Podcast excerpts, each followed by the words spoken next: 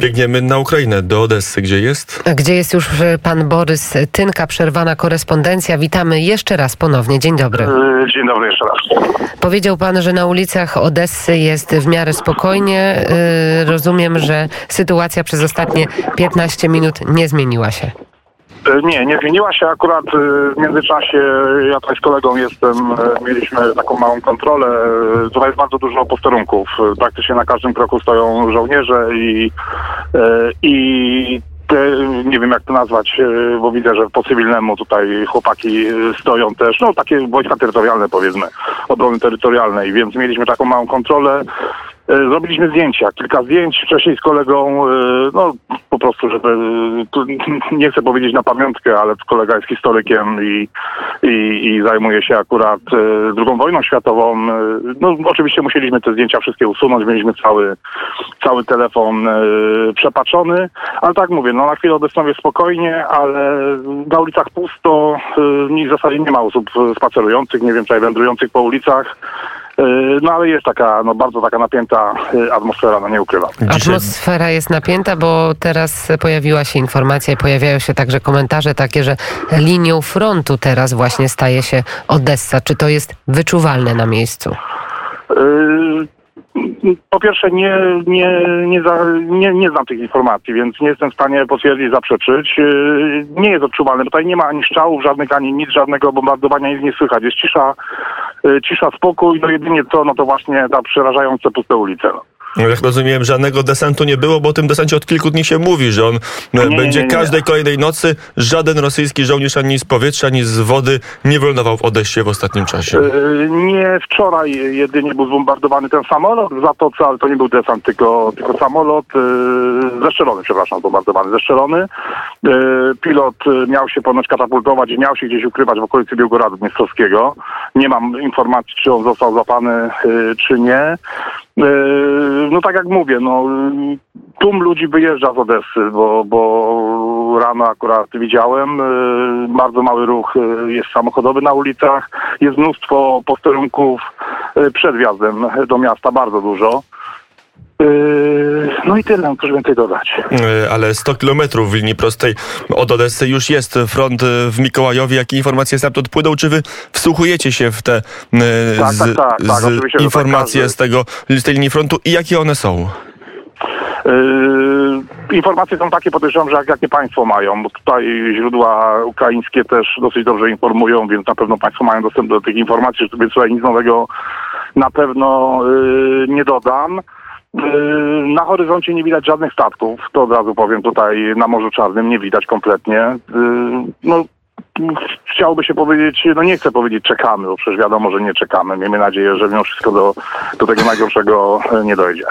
A jak rozumiem, żadnych statków, czyli także wszelki ruch cywilny jednak w dużym, wielko, w pełnomorskim porcie w Odessie zamarł.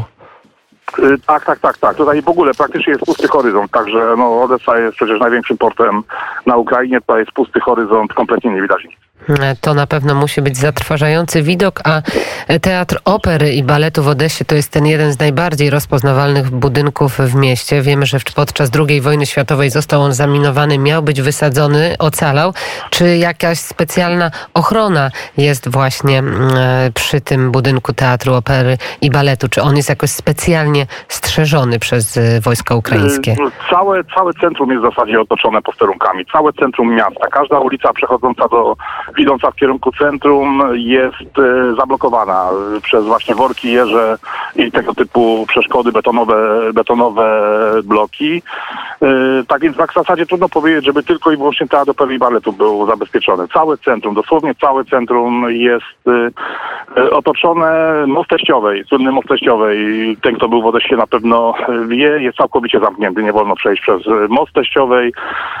Generalnie nawet przez posterunki puszcza, puszczane są osoby, które tylko i wyłącznie albo mieszkają w danym rejonie, albo ewentualnie idą z pracy czy do pracy. Tak więc tutaj nie ma mowy o jakichś spacerach takich krajoznawczych.